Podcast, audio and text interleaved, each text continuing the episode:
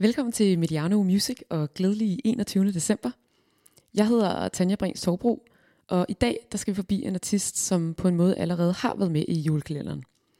Hun har nemlig været med til at lave øh, julenummeret, som var bag i nummer 1, This Time of Year, Wake Me Up When December Ends.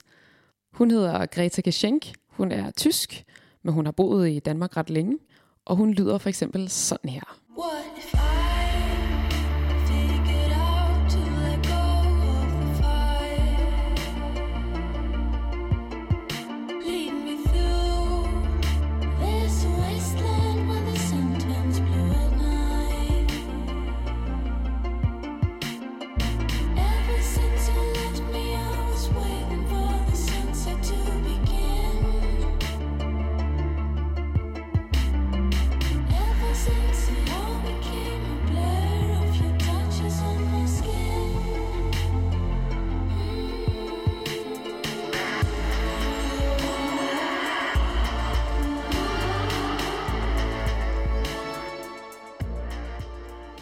Greta hun var en af mine yndlingsopdagelser på Spot Festival i 2019.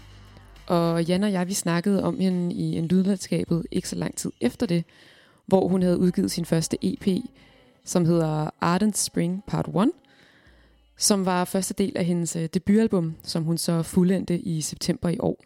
Og det er altså et øh, vanvittigt godt album. Det er sådan øh, blød, drømmende synthpop med masser af 80'er kærlighed, men samtidig så er det også sådan lidt øh, råt og industrielt.